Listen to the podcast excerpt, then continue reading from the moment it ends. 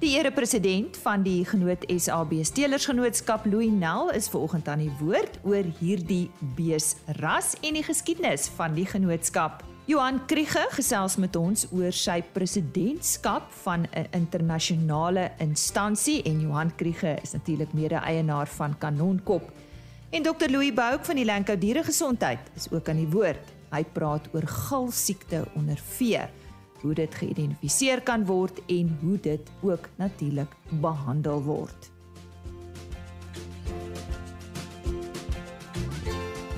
Dis vandag op RSG Landbou Goeiemôre van my Lise Roberts. Ons begin met landbou nuus en by die onlangse Bosmara SA nasionale vroulike dierveiling daar op Parys is 'n dragtige koei met 'n kalf van Up George Bosmaras vir 'n nasionale rekordprys vir die ras verkoop.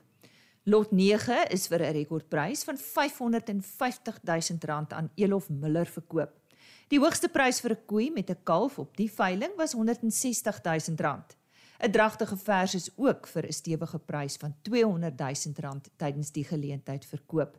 'n Omset van byna 4 miljoen is by die veiling gehaal.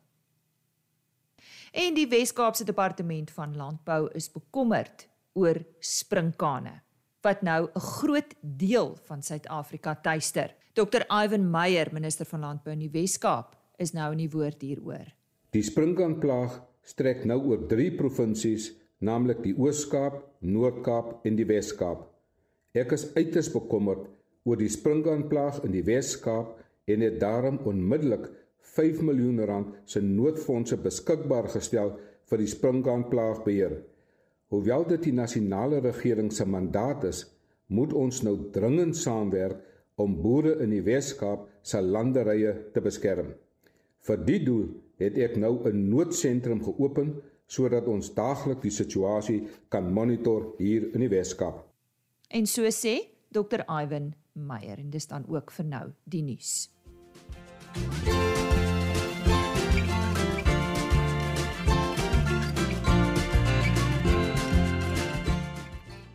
Ja, ons gesels vandag op RC Landbou oor Huguenot SA en dis natuurlik een van ons beesteelers genootskappe en onder meer met hulle erepresident Louis Nel. Louis, lekker om jou op die op RC Landbou as deel van ons program te hê vanoggend. Vertel ons kortliks van die geskiedenis van hierdie genootskap. Lisa, baie dankie.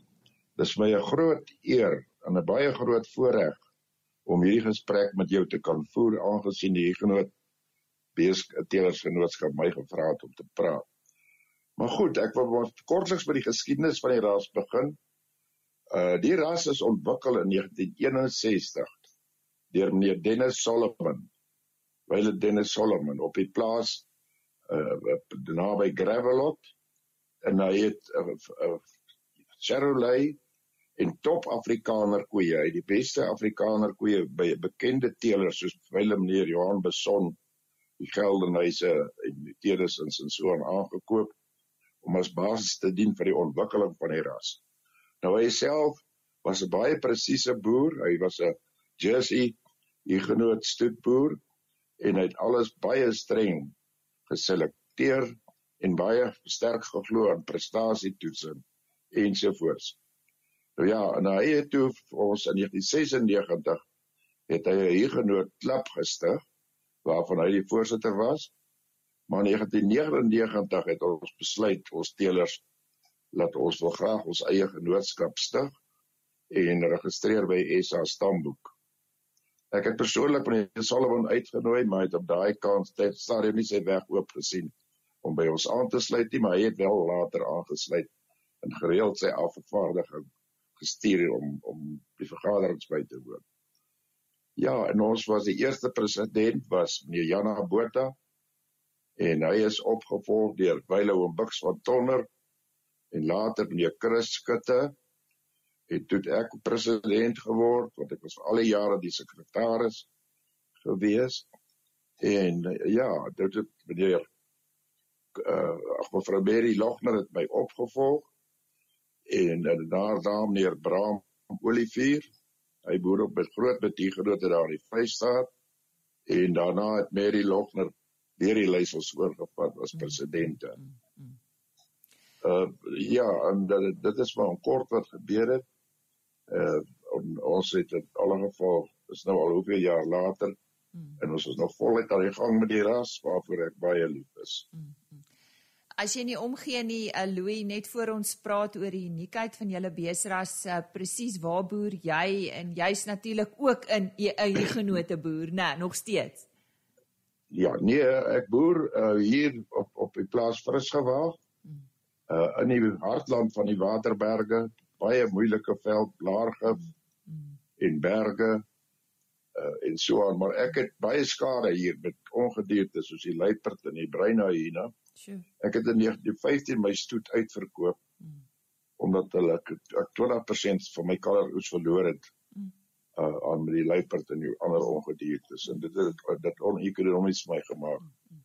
Maar my hart het by die hiergenote gebly. Ek het weer by Mary Logner vir my vier klein seuns uh het ek elkeen 3 verse gekoop en dit was te kostelik. Hulle moes self in die kraal hulle beeste kom uitsoek en hulle het vreeslik geniet. En my oudste kleinseun uh, het nou net pas uit BCom rekgraad verwerf by Universiteit Pretoria en hy gaan nou 'n beheer wees van die van die stoetkarre. Ja. Ek gaan hom mooi oplei want hy met die tegnologie kan hy maklik uit die stad uit die boerdery hanteer. Want ek het besondere goeie beesversorgers wat kan weeg. En uh, syfers op stuur vir hom dat hy dit kan doen by stamboek. Louis, ja. elke genootskap, elke bees ras eienaar sê sy bees is uniek. Nou goed, kom ons ja. hoor wat maak hierdie beesras die genoot so uniek? Ja. Uh, dit is in die eerste plek 'n baie geharde bees as gevolg van sy oorsprong die uit die Afrikaner en die Serolei. En weet interessantheid sal wat toe ek finale jaar student op Potchefstroom Landbou College was, het professor het baie professor Jan Bonsma vir ons daar 'n lesing kom gee oor die aanpasbaarheid van die verskillende beesrasse in die bosveld. En uh, nou het sy lees ons altyd met die vertonings demonstreer. En hy neem toe 'n foto van 'n Serolei kudde in Frankryk Toe sê hy hierdie Charolais ras sal nooit in Suid-Afrika aard nie. Kyk net hier op watse weiding lê hulle gras klaverweiding. Maar toe ons nou eers 'n genootskap gestig het en ingaan op die geskiedenis van die Charolais, dis sien ons maar die Franse het hulle geteel om berg te klim. Dit naamlik die styl Alpe daar in Frankryk. En uh daarvandaan uh ja, het ek het ons maar net van krag tot krag gaan. Ek het my paart as sy eerste bulle aangekoop in 1988. Ek was baie vies vir hom, want dit is geteel uit net twee vleisrasse. Daar's nie 'n melkras ingebring soos wat ou Jan Bonsma gedoen het nie. Maar toe ek die eerste bulle sien, toe hulle hier arriveer, hy drie bulle gekoop en 'n klompie vroulike diere. Was ek op die volgende veiling die volgende jaar by Kraagraans en dit self my drie spykbulle op aangestel wat aangekoop wat ek nog steeds nie oor spyt is nie. Want of jy net 'n voorbeeld te noem. Uh ek het byvoorbeeld hier reg oor my huis is 'n baie styl kop 'n berg. Die baie styl hange, ons noem dit ribbokkop. Ribbokkamp want daar is baie rooi ribbokke op. En die een aand is my seun hier. En uh Hy wys my pa kyk daar. Toe staan drie hier genoot versies waar hy kop loodreg op uitklim om bo op die kop te gaan weiding soek. En, en ek het my lang leeftyd op Melkrivier nog nooit 'n enige beeste teen daai hanger sien by nie. Nie die Afrikaner nie, nie die Bonsmara nie. Ja. Nie die Afrikaner Switser kruisig nie. Ja. Want net die hier genoot wat dit reg kry. Ja. En, en nou nog hulle klim enige plek berg. Hulle is versprei oor die land, daar nog nie baie wat soos wat hulle hê nie, maar in die koudste dele van die Vrystaat is hulle Wes-Transvaal. Hulle hulle Noord-Transvaal is natuurlik hulle Mekka en selfs in Natal en selfs ver in die Oos-Kaap waar die meeste beeste in Suid-Afrika is, het 'n man wat daar in die koue Bokkerveld ook in berge boer 'n huurgenoot wil aangeskaf. Hy's baie tevrede daarmee. Louis, ou, hoeveel lede het julle tans deel van hierdie genootskap? Ons het nou net 16. Ons het daar ongelukkig uh het 'n ramp ons vertrek. Ons eerste president, meneer Jana Botha, het weggebreek van die huurgenoot SA Bedelaars Tegenootskap in sy eie genootskap gestig. En hy van ons teelers het saam met hom geloop. Maar ons het baie ongelukkig wat ons voel hy het hoogverraad gepleeg. Met daai stel.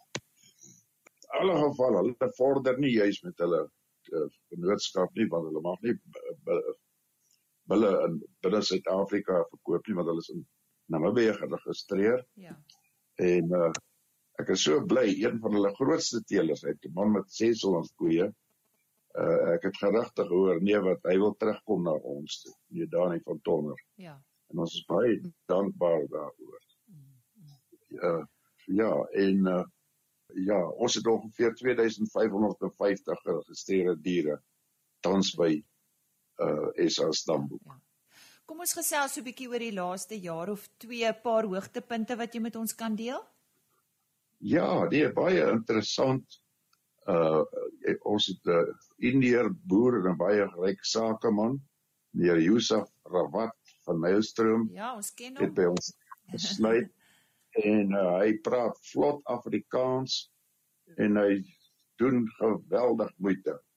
Hy het nou die dag op Ermelo met een van sy bulle op hier daai interras bulveiling het hy 'n topprys van 65000 rand behaal. En ja, en hy het wat belangrik is, hy het hierdie geno geometriese toetse gedoen op alles op sy hele karriere. Jy weet, dit is so toets kos 850 rand per dier wat jy toets. So dit loop ons nou is ons nou ver vooruit. Mm. En uh baie trots op sy genote.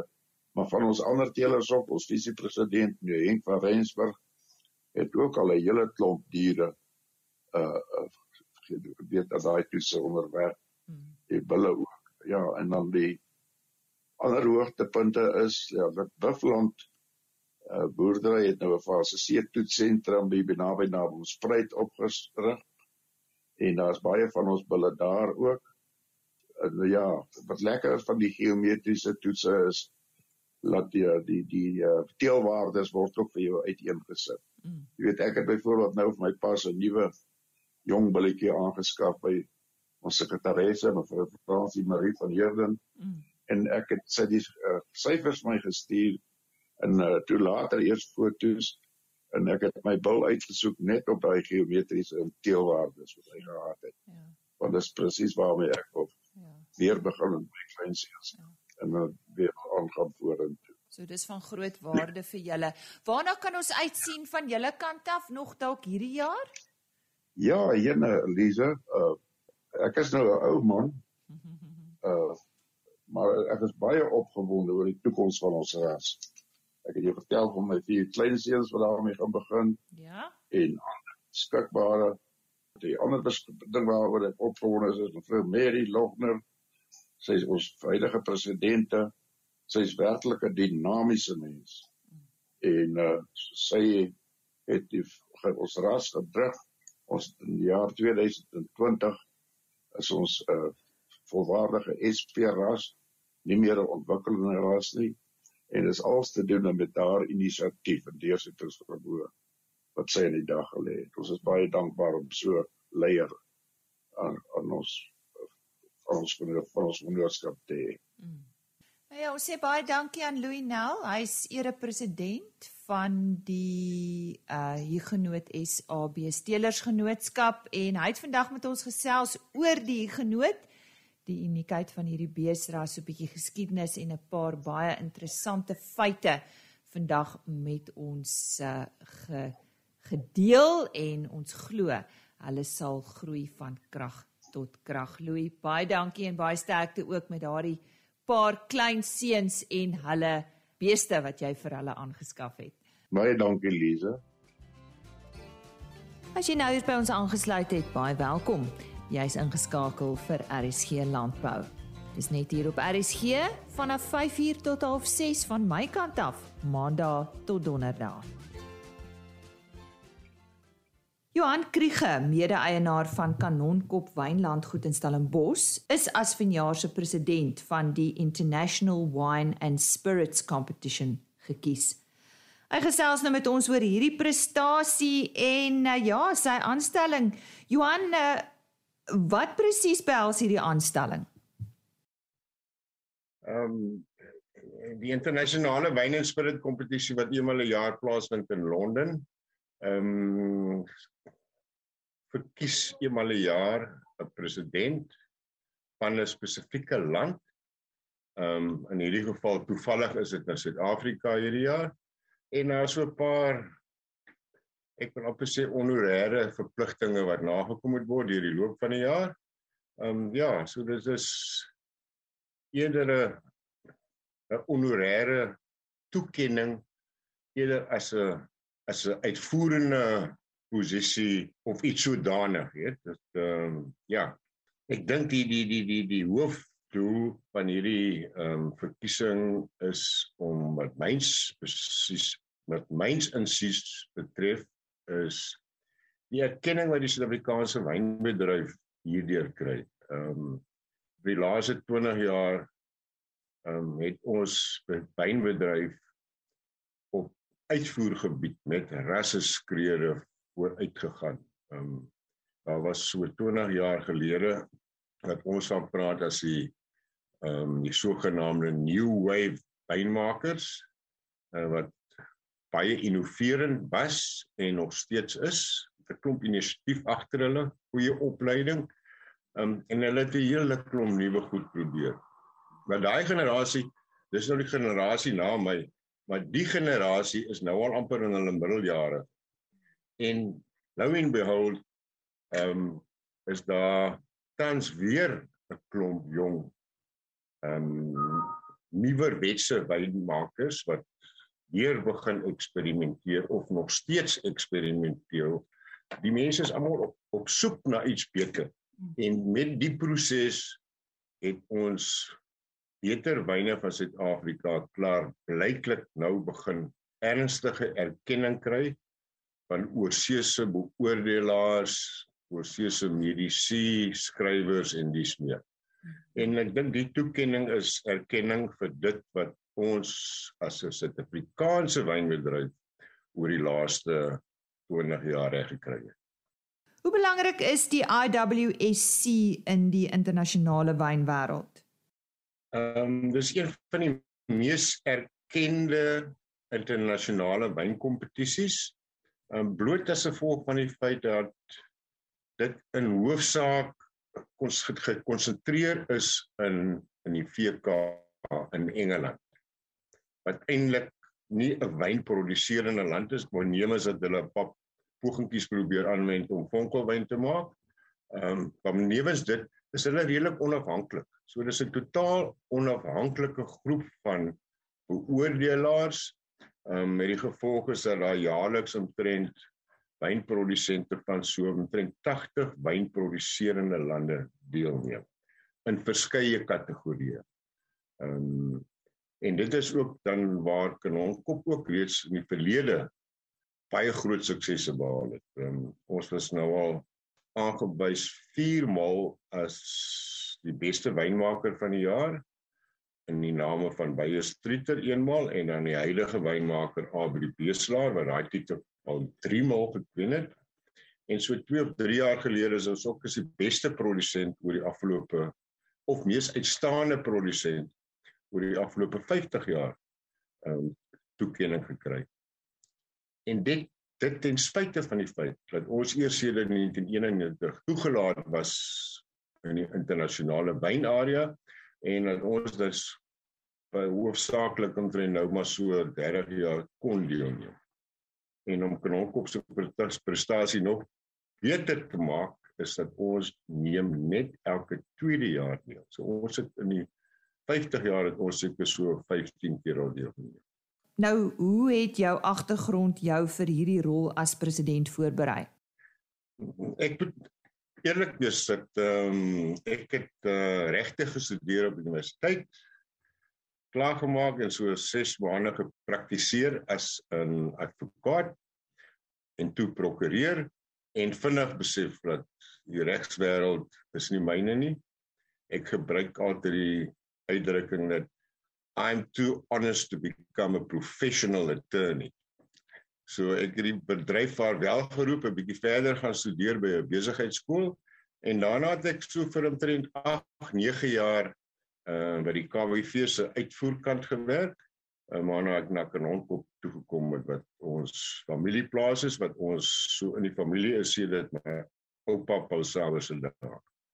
En my die plaas gekry in 1931 en oor die laaste 20, 30 jaar het ons nogal goed vooruit gegaan. Kapasiteit verbeter, kwaliteit verbeter en so meer en so meer en so meer.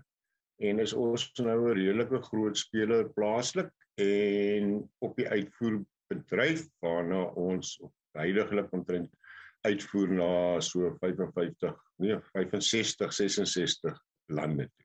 Jy's maar die tweede Suid-Afrikaner wat president is. Die vorige een was Dr Anton Rupert in 1996. Wat beteken hierdie presidentskap vir die Suid-Afrikaanse wynbedryf, Johan? Ja, ek dink ons moet die ding ook in perspektief sien. As ons kyk na die globale wêreldproduksie en ek gaan nou rondom syfers gebruik dat Frankryk en Italië en Spanje produseer elkeen omtrent so 25% van die wêreldproduksie. Ehm um, Suid-Afrika is agste in die lyn van produserende wynlande en ons produseer omtrent so 4% van die wêreld se produksie. So die erkenning wat hierdie toekenning of toekennings vir my en vir byle dokter Rupert ehm um, wat aan ons gemaak is is tekenend van die feit dat Suid-Afrika stadig besig is om in die eerste liga te speel en dat ons nou erkende wynprodusente is wat wêreldwyd mee kan saamgesels en ook as sodanig erkenning kry daarvoor. Wat behels hierdie posisie as sulks Johan? Waar, waaruit bestaan jou rol? Daar's so 3 of 4 internasionale reise waaroor dit gaan, maar soos ek sê, dit is hoofsaaklik 'n uh, uh, honorêre ehm um, posisie en ek moet maar 'n bietjie gaan gesig gewys daar met die groot geeste van die wynwêreld en uh, so 'n paar klippe uit die pad uitdrol vir die Suid-Afrikaanse wynbedryf en net sorg dat ons die erkenning kry wat ons bedryf verdien. En ja, ook baie geluk van ons kant af aan Johan Kriege. Hy is mede-eienaar van Kanonkop Wynland goed daar in die Stellenbosch omgewing en hy's as vanjaar se president van die International Wine and Spirits Competition gekies. Ons volgende onderwerp van bespreking en ook nodig dat ons hierdie week met Elanco dieregesondheid gesels is galsiekte by beeste. Ons gesels is gewoonlik met Dr Louis Bouk van Elanco dieregesondheid. Louis, ja, wat veroorsaak galsiekte by uh beeste? Goeiemôre. Goeiemôre Lize.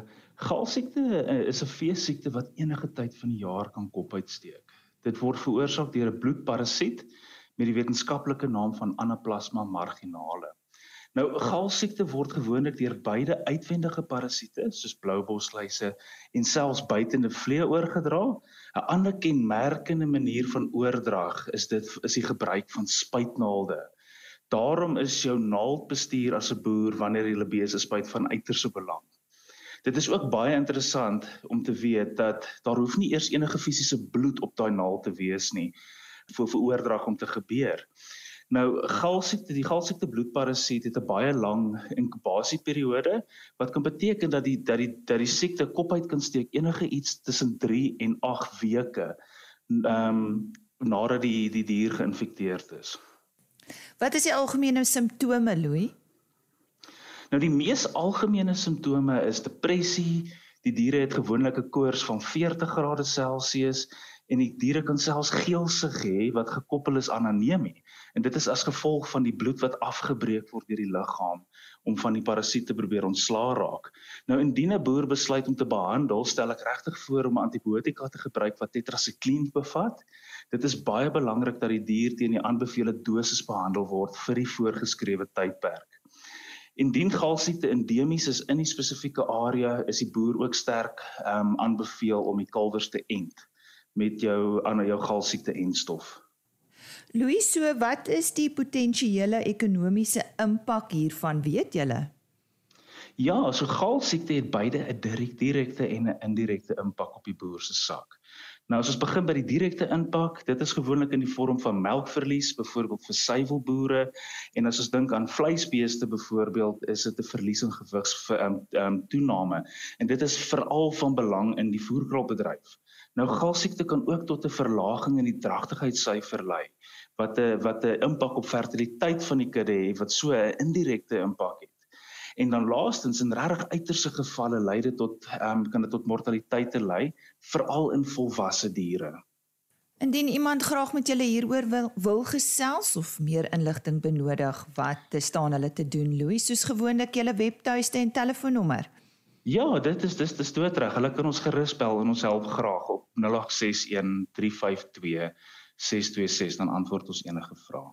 So sê Dr Louis Bouk van Elanco Diere Gesondheid en het ook hulle webtuiste. Dit is www.elanco.com. Dis dan vandag se RSG Landbou. Sluit gerus môreoggend weer by ons aan. Dan is Johan van der Berg natuurlik op sy pos met nuus oor die weer. Ons hoor ook wat het hierdie week met vleispryse gebeur. En dan praat ons met Maries Lombard. Sy is verbonde aan die skool vir rekeningkunde aan Universiteit van die Vrystaat. Nou wanneer jy 'n besigheid of 'n boerdery besigheid begin, is daar verskeie besigheidstrukture waaruit jy kan kies: 'n vennootskap, privaat maatskappy, 'n trust, 'n publieke maatskappy. Sy bespreek die voordele en nadele van elk. Ons sluit af met 'n webtuiste en e-posadres soos altyd. Dit is rsglandbou@plaasmedia.co.za. Dit is ons e-posadres. Ek herhaal rsglandbou@plaasmedia.co.za of die webtuiste agriorbit.com. Daar word ons onderhoude afsonderlik gelaai. Die volledige program, soos altyd op die RSG webtuiste ook as potgooi beskikbaar. Totsiens. RSG Landbou is 'n plaasmedia produksie met regisseur en aanbieder Lize Roberts en tegniese ondersteuning deur Jolande Root.